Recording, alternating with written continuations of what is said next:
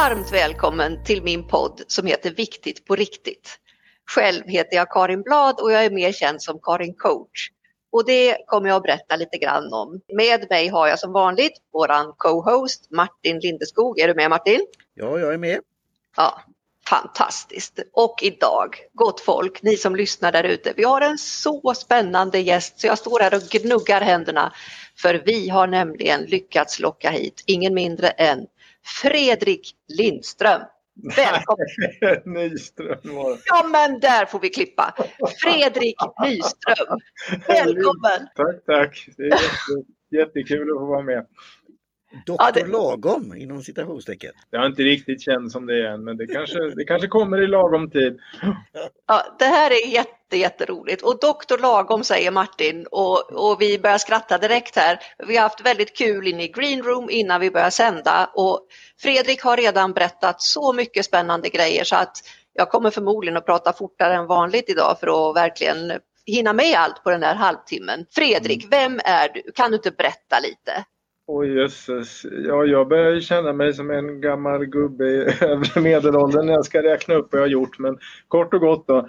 Jag började läsa medicin direkt efter gymnasiet 1988 och blev legitimerad läkare 90. Sen blev jag endokrinolog, alltså specialist på hormoner inom ungefär fem år och specialist i internmedicin och doktorerade samtidigt som jag utbildade mig då och blev klar som specialist gjorde man parallellt på den tiden på jourkomp som det hette. Och så Oj. kunde jag redan då 97 åka och göra postdoc i USA, alltså en efterforskningsperiod som är klassiskt i internationell forskning. Och då blev jag istället för att forska på fetma och högt blodtryck som jag hade gjort eh, i, på Linköpingsbor så började jag forska på fettceller och stoppa in DNA i dem. Färska fettceller på ett jättefint labb i NIH som faktiskt är världens största forskningsställe överhuvudtaget. Ligger utanför Washington DC i Maryland. Där. Så där var vi två år, jag, frugan och två barn. Det var jättespännande faktiskt. Och sen kom jag tillbaks och sen fick jag ganska snabbt då från år 2000 en fast tjänst på Linköpings universitet. Och så blev jag slutligen professor i internmedicin 2008. Och då hade jag faktiskt gått tillbaks till att forska på vanliga, friska och på patienter istället. Jag tyckte det blev för tråkigt med råttor och fettceller till slut. Det är så långt till och, och, få ihop det med verkligheten. Så sen dess har jag gjort alla möjliga mystiska och solklara experiment på försökspersoner faktiskt. Kändast blev jag nog för den här snabbmatsstudien som jag gjorde 2006 när jag stoppade i studenter hamburgare i fyra veckor och de blev ganska ordentligt tjocka. Hela, hela världens journalister hoppade på mig och det blev artiklar i alla möjliga fina tidskrifter. Till och med i Australien kom de hit och intervjuade mig för. Det blev en BBC-dokumentär faktiskt av det där sen också. Men nu är jag tillbaks och eh, tänkte att jag behövde sammanfatta lite vad jag tycker mig ha funnit för att alla andra har inte funnit samma sak konstigt nog. Och det blev den här boken då som heter Radikalt lagom där jag försöker ta i lite från tårna och delge alla felaktigheter som jag tycker finns i allmänna kostråd som bör ge folk ångest i onödan. De får inte vara tjocka i fred och så, vilket de visst får för mig. Det här är en lång sammanfattning men tre minuter kanske Ja, alltså, den, är, den är helt lysande och och eh, du har bara rört igenom punkterna på ditt fantastiska CV som man behöver ha ett rejält förstoringsglas för att se allt som du har gjort på så kort tid. Och så ung och fräsch. Hur lever du själv? Ja. Ja, det- jag brukar ju säga att titeln kom ju fram till slut efter mycket grubblande på Volante. De bestämde verkligen titeln och jag har låtit dem ha mycket att säga till om boken. Idén var ju länge att det skulle vara lagom men de la ju till radikalt lagom i sin sista då beslutsrunda och det var nog väldigt klokt för jag, jag känner mig att det är jag som är radikal faktiskt. Mm. Eh, ja, jag lever nog lite för radikalt lagom. Så det är mer, den komponenten är jag. Jag tränar lite för mycket. Jag dricker nog ännu lite mer vin än vad jag rekommenderar andra. Men det har funkat. Och jag har en bra alkometer kvar efter min forskning. Och så vidare. Men eh, hur jag lyckas hålla mig förhållandevis ung, det vet jag inte. Men eh, det går, det går rätt bra. Det går rätt bra ja. Och sinnet, det märker man är väldigt ungt. Och Volante, kan du inte berätta lite, vad är Volante för de som bara hör oss från första gången här? De tycker jag är ett väldigt eh, modigt och intressant förlag. Men jag fick väl inte riktigt bara välja rätt upp och ner. Jag blev nobbad av Bonnier så jag blev för länge sedan nobbad utan noter fortsätt berätta. Det här, idén om den här boken hade jag för nästan tio år sedan och kontaktade dem men de ville inte ge ut den. Då. Första förslaget jag fick från olika kunniga i området kunniga individer var att, att fråga om Volante var intresserade av att ge ut den och det blev ju de som, som nappade den. Det är ett väldigt seriöst och trevligt förlag som, som har ett stort engagemang i de böcker som de ger ut. Jag har fått faktiskt väldigt mycket hjälp från Joakim Tholén där som varit min enskilda redaktör då, och hjälpt till så att jag formulerat saker på rätt sätt och haft rätt ordning och struktur i den här ganska omfattande boken. Då. Det var inte så lätt att få någon röd tråd i allt det här och, som jag skriver om och jag tycker väl fortfarande det här med brun fettväv som jag är lite svag för kommer ju lite på slutet men det går ju inte att låta bli att ta med det. Det är ju skojigt det här att gamla mormor har sagt att man, man ska frysa in vintern och svettas ja. in sommaren och jag tror att det är väldigt sant med sådana gamla mormödrars ja klokskap. Det är ofta de som säger att mättat fett bara är nyttigt och, och så också. Köttbullar med grädde.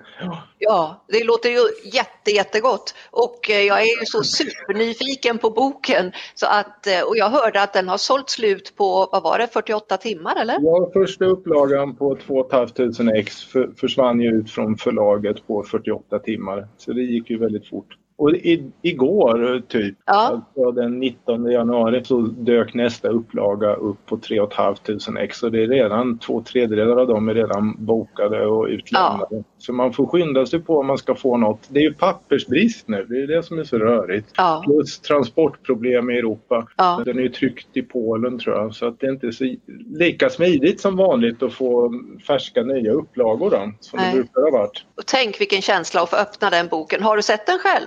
Ja, jag fick ju mina egna författarex men de har jag ju delat ut till folk ganska kvickt. Jag hade lovat bort den till väldigt många märkte jag. några som krävde att få den. ja, ja, ja, ja, ja, I can't wait. Vad säger du Martin? Ja, jag ser verkligen fram emot den och läsa den både i, så i pappersform och eh, kanske få den signerad då, eller, och skriva anteckningar i ja. alltså, tankar och sen kanske att till och med lyssna på den också som ljudbok i framtiden. Ja, den ska bli ljudbok. Jag vet inte hur lång tid det tar bara riktigt allt det där. Det jag är mest engagerad i och vill skynda på det är ju att den ska bli översatt och utgiven på engelska förstås. Ja. Jag. Det är högsta prio för mig vad gäller ytterligare arbete ja. med texten. Då. Ja, det är oj. väldigt roligt. Sverige är ju så litet land och ja. forskningen som jag har bedrivit har ju givetvis alltid varit eh, internationell. Det är ju alltid forskning. Ja. Eh, där har man ju bra koll på genom de kanalerna hur, hur, vilken impact som det heter som man har. Det vill säga om andra, om andra forskare läser och påverkas av det man vetenskapligt publicerar. Då. Så det vore jättekul att få ut en populärvetenskaplig bok av det här slaget internationellt. Ja, men, tycker jag. Såklart, såklart. Mm. Men det är på G om jag har förstått det rätt men det går ju ja. lite långsamt. Finns det, det något vi kan hjälpa till med? jag säger till Volante att de får skynda på sig. Vi ska sprida det goda ordet. Jag ser här på sidan här, lagommetodens tio gyllene regler så lever ja. du hälsosamt utan att träna och banta ihjäl dig. Den 12 november 2021. Där kan man, tweet, man kan klicka på Twitterknappen och dela det. Så det kan vi göra. Ja, ja. ja det är bra. Och... Ja, men jag har ju varit med i Malou två gånger så att det, där har det tagit ja. Det tror jag gjorde en bra teckning utöver att jag fick sitta och babbla med musikinslag då, den 30 december i P3 i morgon.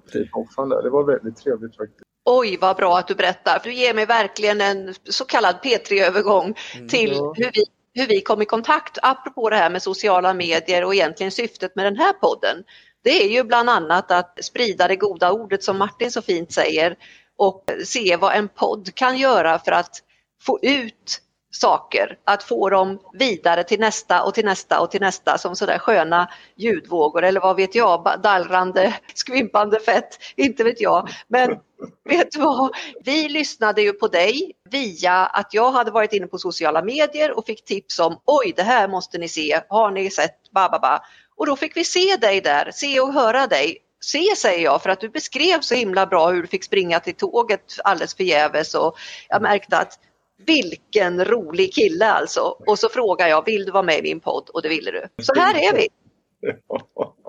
Springa till tåget, det var ju det här med att jag inte fick ha min tänkta debatt med Anders Hansen hoppas jag det syftar på. Jag hade ja. måttat upp så jag skulle hinna från Norra Latin för de som kan Stockholms ja. geografi lite. Norra Latin ligger ju jättenära centralstation och det var ju ja. där vi skulle haft en debatt. Och jag fick ja. senare lägga ett forskningsmöte i Lissabon. Jag minns att det skulle vara ett diabetesmöte där jag skulle ha presentationer och doktorander och allt möjligt. Men då skippade jag första dagen på det. För det var en måndag som här, den här debatten skulle varit. Och jag räknade ut att jag kunde ta då ett precis flyg om jag åkte Arlanda Express och sprang efter min debatt då tvärs över Norra Latin rakt över till till Arlanda Express som ju är bara tvärs över gatan där. Ja. Sen, sen kom ju inte Anders Hansen. Oj. Så det var ju väldigt antiklimax. Han ville inte alls ha den där debatten som han hade lovat. Och då blev boken av. Så var det faktiskt, Oj. alldeles på riktigt.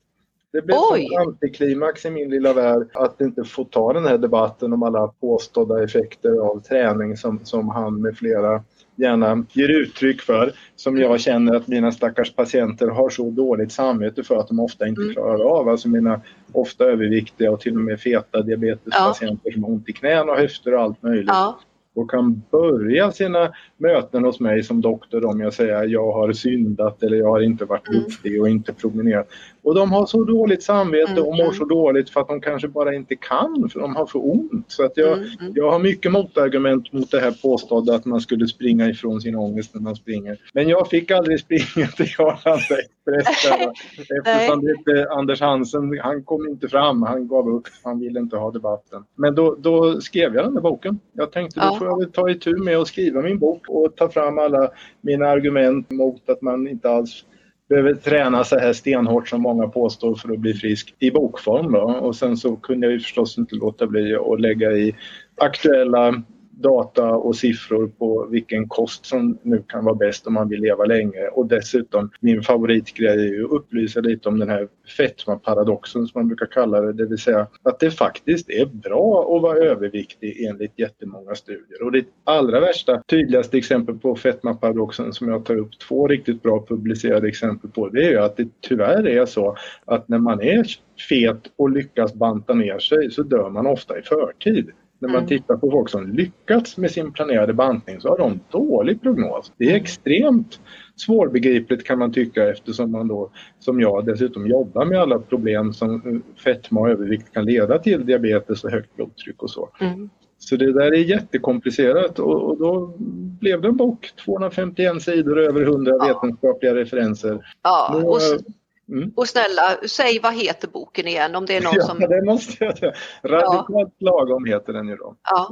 Lagom-metoden beskriver den ju, vilken är sammanfattad i tio punkter på slutet där det ja. förstås bland annat står att man inte måste träna för att någon annan säger åt dig och man får gärna fortsätta vara överviktig. Och vill man banta så får man gärna misslyckas för då har man bäst prognos. Jättespännande. Men det är en väldigt välgjord finsk studie som jag refererar till som visar exakt det. En väldigt välgjord finsk studie där de har total koll på all, all sjuklighet under över 20 år. Poängen med att den är finsk är att vi är hyfsat, vi är ändå skandinaver. Det finns ingen motsvarande svensk studie än så vitt jag vet. Men det är också att finnar har ju en väldig koll på folk precis som vi genom att de också har personnummer och så. Då. så mm. Det blir bra kvalitet på det. Mm. Det är mycket att tänka på i den. Tio avslutande stressminskande eh, ja. eh, rekommendationer. Och eh, jag skulle faktiskt vilja ta tillfället i akt och läsa upp dessa lagom-metodens gyllene regler. Skulle jag kunna få göra det? ja, absolut. Jag har ju skrivit ja. att de ska citeras. Ja. ja, och här och, om du vill får du gärna komma med en kommentar efter varje, för jag tänker läsa dem så här lite myndigt. Mm. Mm. i tur och ordning. Och den första låter så här. Träna aldrig mer än du behöver. Nej, precis. Och det syftar ju väldigt mycket på att det faktiskt inte finns några studier och då kom det till och med en nu som var flera år lång där man har sagt åt folk att träna och till och med följt dem och övervakat dem men man har fortfarande inte kunnat visa att den sortens träning gör någon friskare. Av mina huvudspår i boken är att den här kopplingen mellan träning och att man är frisk respektive oträning och att man är sjuk det är ju ett samband som antagligen bara uppkommer genom att det blir just så. Är man frisk kan man träna, är man sjuk kan man inte träna. Det är mm. mer friskheten och sjukheten som kommer först snarare än träningen så att säga mm. i det här mm. statistiska sambandet. Mm. Jätteintressant. Och, och jag folk att träna för att det har faktiskt inte visat sig ha någon effekt när man följt upp det i studier på faktisk sjukdom eller ens på om de känner sig deppiga eller inte. Mm. Och du har ju formulerat det så elegant med en du behöver. Där finns mm. ju en öppning och ja. jag som jobbar med professionell coaching och ledarskap, självledarskap, jag har ju det här eh, perspektivet med hur var och en, varje individ själv mm. ska klara av att manövrera sig fram till ett hälsosamt liv och Alldeles välja själv. Ja, det är det jag försöker kortfattat beskriva med det ordvalet. Då. Syftet ja. är att man ska hitta vad som är lagom för en själv. Exakt. Det är ingen annan som kan riktigt bestämma hur hårt Nej. du har lust Exakt. att träna för att du på lång sikt både ska tåla det och må bra av det. Exakt. Och jag har ju eh, läst på och jag fastnar för Volantes eh, presentation av dig. Jag verkligen vill highlighta det bokförlaget i eh, hur fint de har plockat fram dig. Och det, vi har mycket mer så jag fortsätter. Vi är på ja. punkt två nu. Ja. Använd inte benen i onödan, står det. Berätta. Nej, det är ju egentligen samma tema igen. Alltså det, det, ska ju vara någon poäng med när du tränar och använder dem tycker jag. Så att mm. Öppningen vi antydde innan, det, jag tycker väl det blir att visst är du ovanligt bra genetiskt funtad så kanske du tål att springa varje, flera gånger varje vecka i 10-20 år. Men det är ju mm. jäkligt få som tål det. Precis. I realiteten, de flesta får ju utslitna knän och höfter om inte annat, ja. om de inte ramlar och slår sig. Och det är faktiskt svenska data på det nu, att till och med de som åker Vasaloppet och är jättevältränade har ökad risk för artros ledförslitning om de ja. kör för många lopp jämfört med om de bara kör enstaka. Det är en jättefin studie som har visat det. Så man, man sliter ju ut sig även med träning precis som man kan göra om man är industrijobbare och gör mm. repetitiva mm. rörelser så får man skador av det. Det har ju facket sagt i alla, alla tider liksom påtalat. Varför skulle inte samma sak gälla för en, ensidig träning? Det är väl klart ja. att det gör. Det är samma ja. saker. Ja. Så, träningen ska ju ha ett ett bra mål och ett mål där på individnivå kan väl vara att man håller balans och styrka och inte förstör knän och höfter högt upp i mm. åren. Så typ gå i lite trappor är väl bra. Ja, eller hur? Och, eller vad säger du Martin? Ja, det är lite sån här insikt i det. Jag funderar på det här med 10 000 steg. Mm. Jag har haft en räknare. Högt alltså, ja. det... Så jag gillar att gå och lyssna just på podd men jag kanske inte går alltid 10 000 steg per dag. Det är min insikt. Att det mm. kanske inte det på grund av mina höfter och annat. Men jag gillar att röra mig med ett mål då. Ja. Göra andra saker samtidigt. Men Eller inte, så inte stressa runt. Hund. Det har jag alltid ja. på. Om man ja. har, har, möjlighet till det och råd till det, det ja. tror jag är det perfekta. Jag har ja. gått hundpromenad idag. Så ja. trevligt att ha sällskap. Se en glad hund. för min del då. Mm. Och, ja, ja, de är ju svåra att gå runt med. Jag har två katter också. Så. Nej, men, har en bra katt, men, men grattis till det. Ja, ja, grattis. För att, och hörni killar, för jätte, jätteroligt. Och det är just det här med lagom och själv känna in vad, vad passar ja. för mig och ja. vad är en balans för mig. Och det är ju en ständig rörelse att hitta balansen. Och för att hitta balansen så behöver du faktiskt släppa den för att känna var är läget? Ja, och, och bli medveten om var är mitt läge och att vi hela tiden rör oss ju genom livet. Och, ja, så det där, jag har en massa, men vi är bara på punkt tre så jag får vara tyst. Nu är vi nummer tre. Var tjock och lycklig. Ja, det är ju så häftigt tycker jag då. Att, att det har ju kommit tillbaks det här med att det bara är bra att vara tjock. Jag försöker ju lyfta fram det i boken att det var ju det som ansågs snyggast på medeltiden och tidigare. Mm. Man skulle vara både blek, fet och ha långa ja. naglar. Ja. Och alltihop var ju mest ett tecken på att man hade råd att inte behöva röra sig så mycket. Och man kunde ha långa naglar för att någon annan gjorde jobbet och mm. tjock var man för man hade gott om pengar och kanske kunde ta det lite lugnare rent fysiskt. Och blek mm. blev man för man satt inomhus och åt god mat. Så att, jag försöker lyfta fram två saker på en gång då. Liksom att, mm. att det ligger ju något i det där. Har man lite resurser, lite reserver på magen och kanske ännu hellre om de sitter på höften så, så talar ju det för att man ändå klarar sig om man blir utan mat och vi är nog ämnade att ha lite mage. Mm. Och hur som helst så moderna data på oss i västvärlden i alla fall. Det finns inte så mycket data på andra områden i världen som man har kunnat följa då i 10-20 år. Men upprepade sådana datamaterial i väst, på västvärldens befolkningar visar jättetydligt att det är bättre att vara överviktig än att vara normalviktig. Och då är det BMI definierat så det är ett BMI mellan 25 och 30, det som kallas för överviktig. Alltså det är bättre, man har bättre mm. prognos än om man har under 25 och är vad som då brukar kallas för normalviktig. Och man mm. har faktiskt inte riktigt dålig prognos om man har BMI på över 35. Mm. Och då är man ganska fet rent mm. definitionsmässigt. Så mm. man har ingen anledning att gå runt och ha dåligt Nej. samvete för att man har lite övervikt och allra helst om det skyddar en på höfterna. Om man går och mm. halkar nu så här års på vintern. Ja. Då har ja. man lite bumpers där. Ja. Men, men någonting är det som gör att man har bättre prognos alltså. Ja. Än de som är smala. Ja, absolut och eh, har lite att ta av. Och jag blev eh, i inledningen här när du började berätta om hur det är för dina patienter och i din eh, delvis vardagsverklighet när du möter patienterna så blev jag nästan gråtfärdig. Jag kände in den här smärtan som finns. Nej, men jag möter på varje mottagning ja. jag har, alltså, möter jag ju patienter som börjar ja. besöket hos mig ja. med att jag, jag har syndat, jag har inte ja, skött mig. Och sådana här gammaldags tråkiga uttryck mm. för att man verkligen har haft dåligt samvete ja, för att usch. man inte bantat på det sätt som man ja, trodde att man var tvungen till eller promenerade eller kanske till och med jogga tror en del att de mm. måste göra för att mm. deras diabetes ska hållas i schack och det är ju det är alltså direkt fel ofta. Mm. Men promenader lagoma promenader det sänker absolut blodsockret på en diabetespatient. Så det, mm. det får de ju gärna ägna sig åt ifall mm. det är tillräckligt lagom för dem. Om de inte ja. har för ont i knäna och sånt. Ja, precis. Då kan man ju inte tvinga dem till det. Nej. Då blir det, det ingen bra effekt. Nej, och, så det är den här anpassningen och jag, mm. när jag säger att jag blir så tagen så är det också för den här utseendehetsen, ja. alla foton, alla retuscherade bilder, allt det här som vi matas med o, ganska oreflekterat och det gör liksom ont när man hör det här. Men vet du vad? Jag, jag, jag måste ja. hoppa in där. Ja. Att det, alltså det är så taskigt det här med utseendet så det är ju lite sådär att det ska ju göra ont. Det blir ju oftast snyggt och anses attraktivt det som är lite svårt.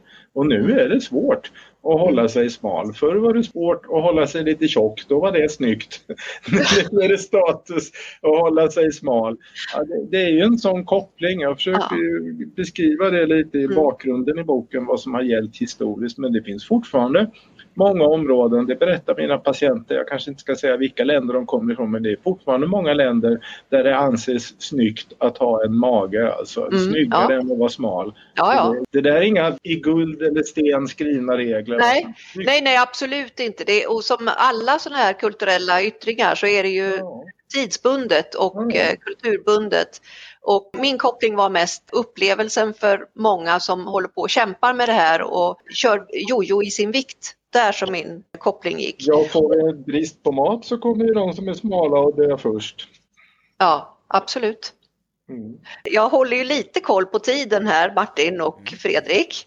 Ja. Så att vi har ju, jag tänkte jag... punkter kvar. och jag tänkte jag klumpar ihop några och tar dem lite snabbt. Ja. Vi ska se hur det går. Punkt nummer fyra här i lagommetodens gyllene regler. Säg adjö till kolhydraterna.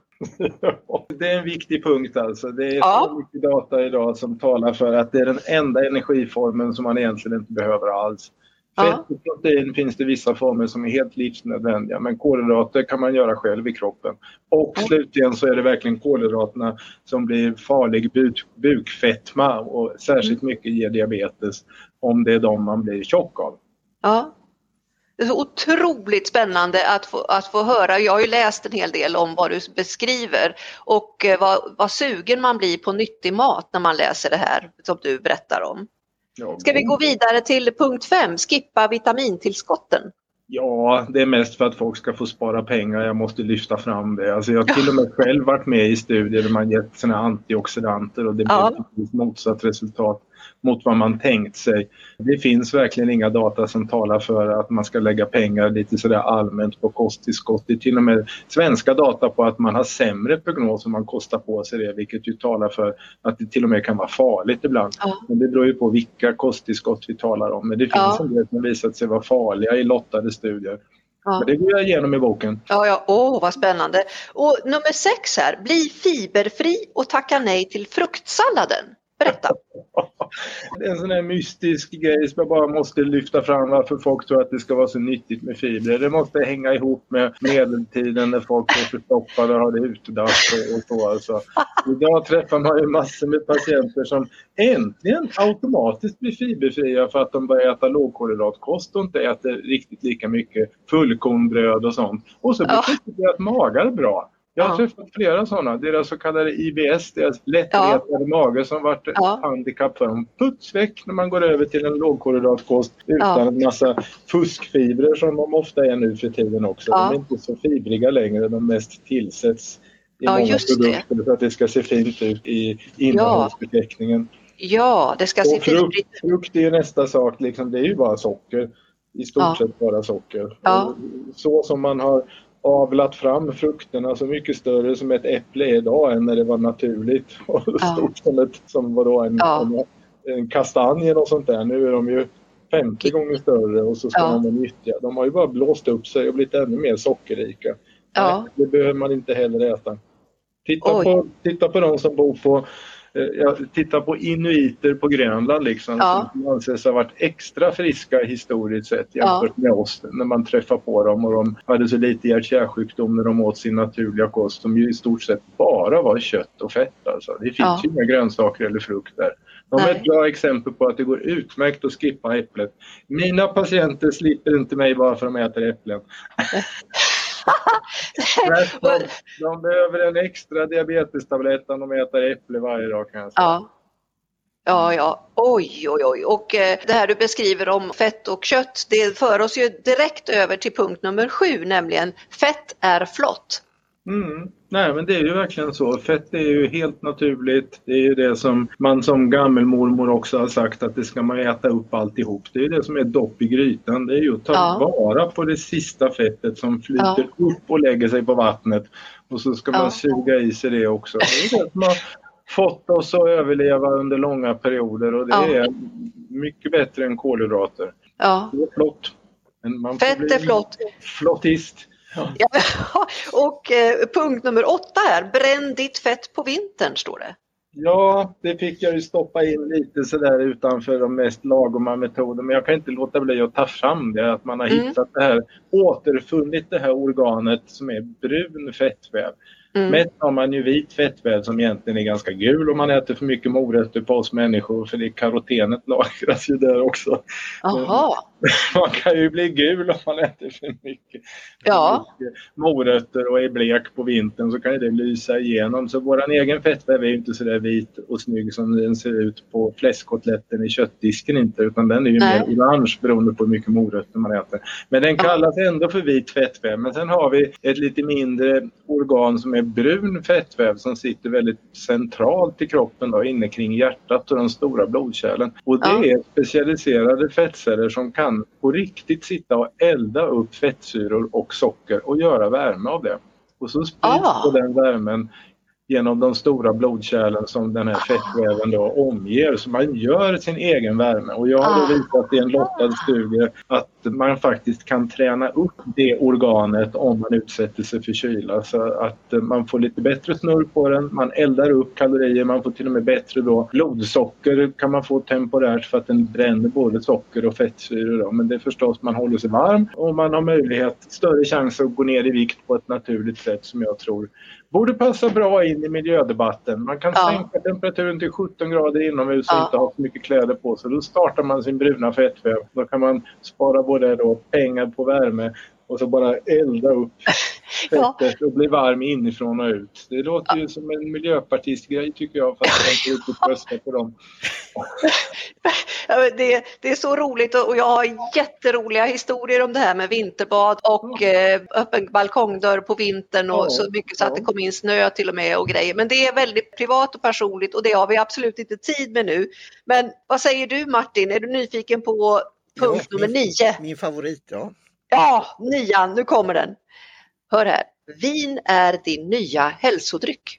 Ja, det tar mycket plats i boken för det är viktigt att gå igenom det helt och hållet. Liksom. Men kort och gott är det ju så att vin, och egentligen är det nog nästan bara alkoholen i vinet då, men det är möjligt att det finns något extra bra i rödvin också eller kanske till och med vitvin. Men det, alkohol är den fjärde energiformen som vi får i oss. Vi har fett, protein, kolhydrater och sen har vi alkohol som är en egen energiform. Och den har vi historiskt utvecklats för att tåla alldeles utmärkt och dricker vi lite varje dag så sänker vi blodtrycket. Det finns jättebra data på det. Det sjunker jättebra på natten om man dricker ett glas rödvin till maten istället för vatten. Det finns visat i en lottad studie. Förbättra blodfetterna, det har jag visat i en lottad studie på Linköpingsbor som visade att de fick bättre kolesterolvärden.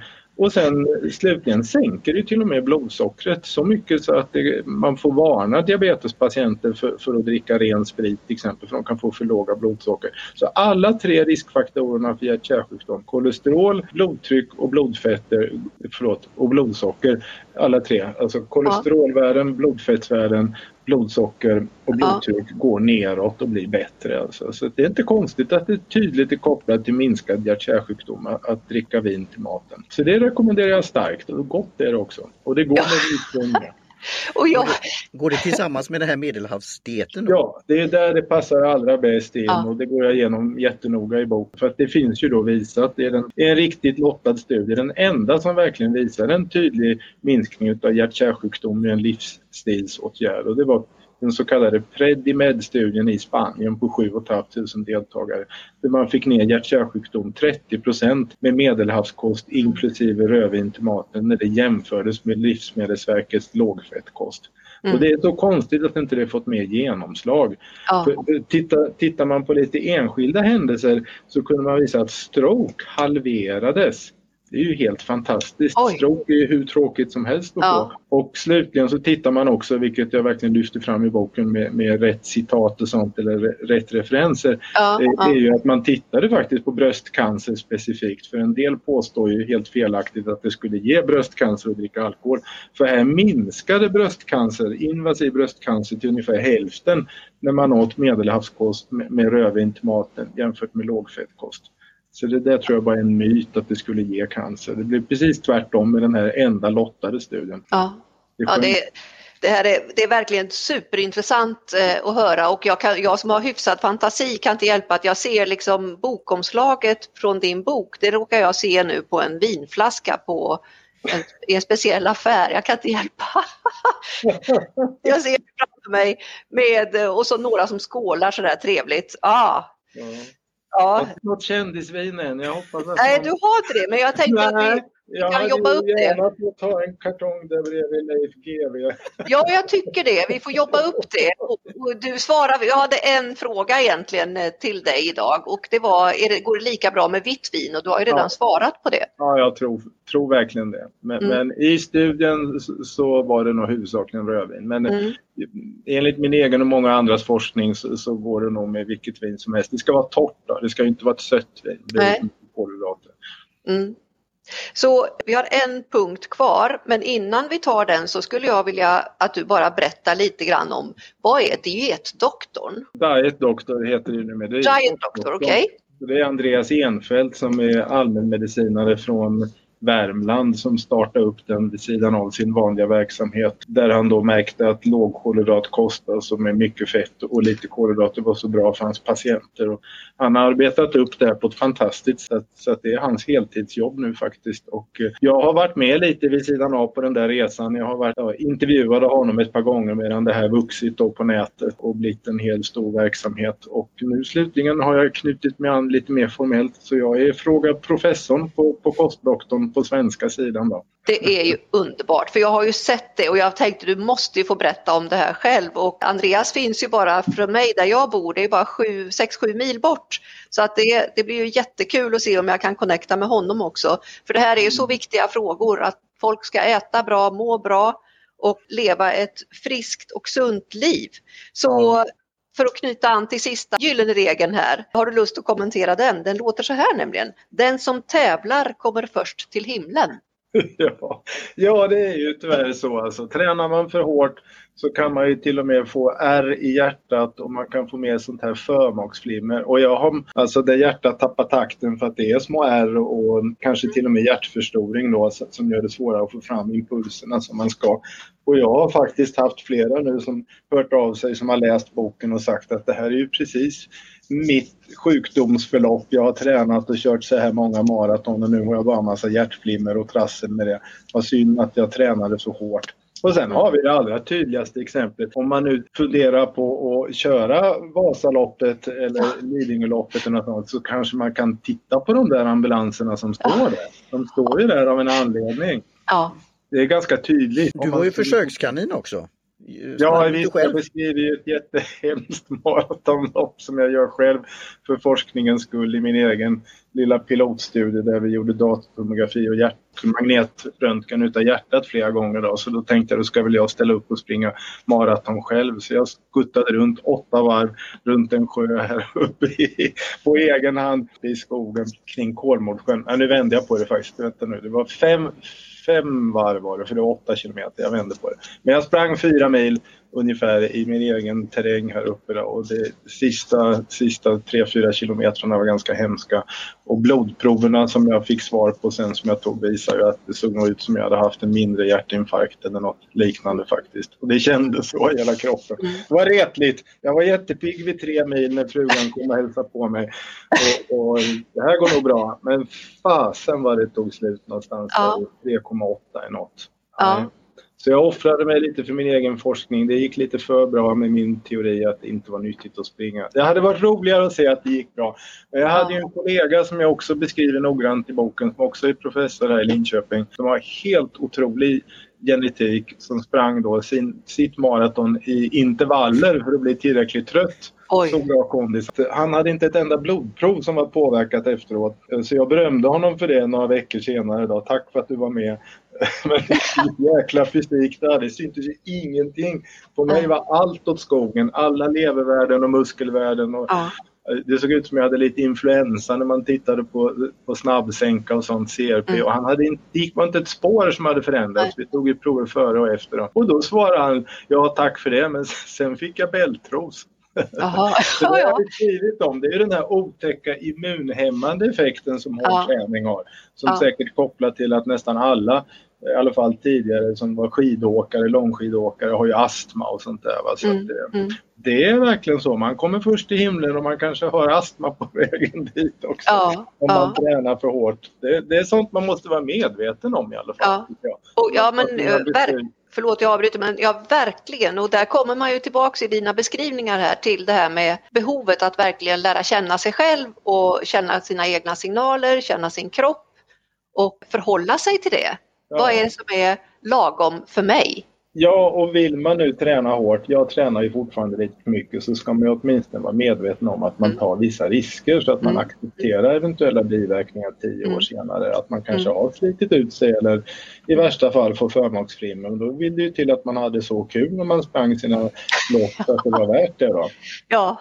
Och sen kan jag inte låta bli, och det tycker jag är så roligt historiskt, han som sprang det första maratonloppet ja. skulle rapportera om att man hade vunnit en maraton. Då. Just det. Det är några år sedan. Ja, han dog ju. Ja. Han hade lämnat över sitt meddelande att de hade vunnit slaget och dog han på fläcken. Ja.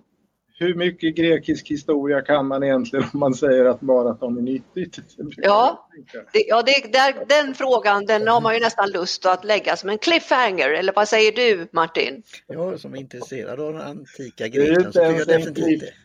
Förlåt, det är inte ens en cliffhanger. Man har ju ramlat ner från klippan. Ja, ja men jag, i min lilla, lilla trånga värld så tänker jag ju att åh, jag hoppas att Fredrik Nyström kommer tillbaka och gästar podden och berättar om, eh, ja, vad skulle du kunna berätta om då Fredrik? Ja, förhoppningsvis att jag har överlevt min fortsatta träning så jag kunde vara med. Ja, och vad mer skulle du kunna berätta om? Det finns väl hur mycket som helst att ta om i den här boken. Jag håller ju ja.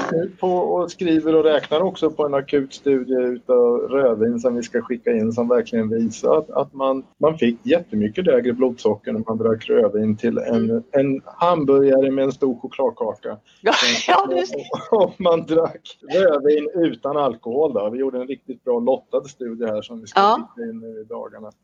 Den ja, jag det finns väldigt mycket spännande att kika på och jag ser att vi, jag tänker på lyssnarna där ute. Är det någonting speciellt som du, det du har ju sagt så mycket redan, men är det något speciellt som du känner att ja men det här vill jag skicka med de här sköna människorna som, suger i sig det här nu och som kommer att gå in och titta på Diet Doctor och som kommer att köpa boken och allt det här.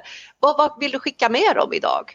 Ja, alltså det jag går och grunnar på är ju att jag börjar tro på mig själv att det nog är det här som förklarar fetmaparadoxen. Det vill säga, det är väl antagligen så jäkla tråkigt att lyckas med sin bantning för man aldrig får kosta på sig någon god mat och man går runt och är hungrig jämt. Så att det är det som gör att man inte blir friskare. Så att kosta på er en chokladbit och drick ett glas vin, det passar jättebra ihop. Bara är det tillräckligt gott för er så är det nog säkert nyttigt också. Oh, Alltså kan inte det få bli våra avslutande ord Martin, vad säger du? Ja det blir det och jag ser fram emot den internationella versionen ja. också i framtiden.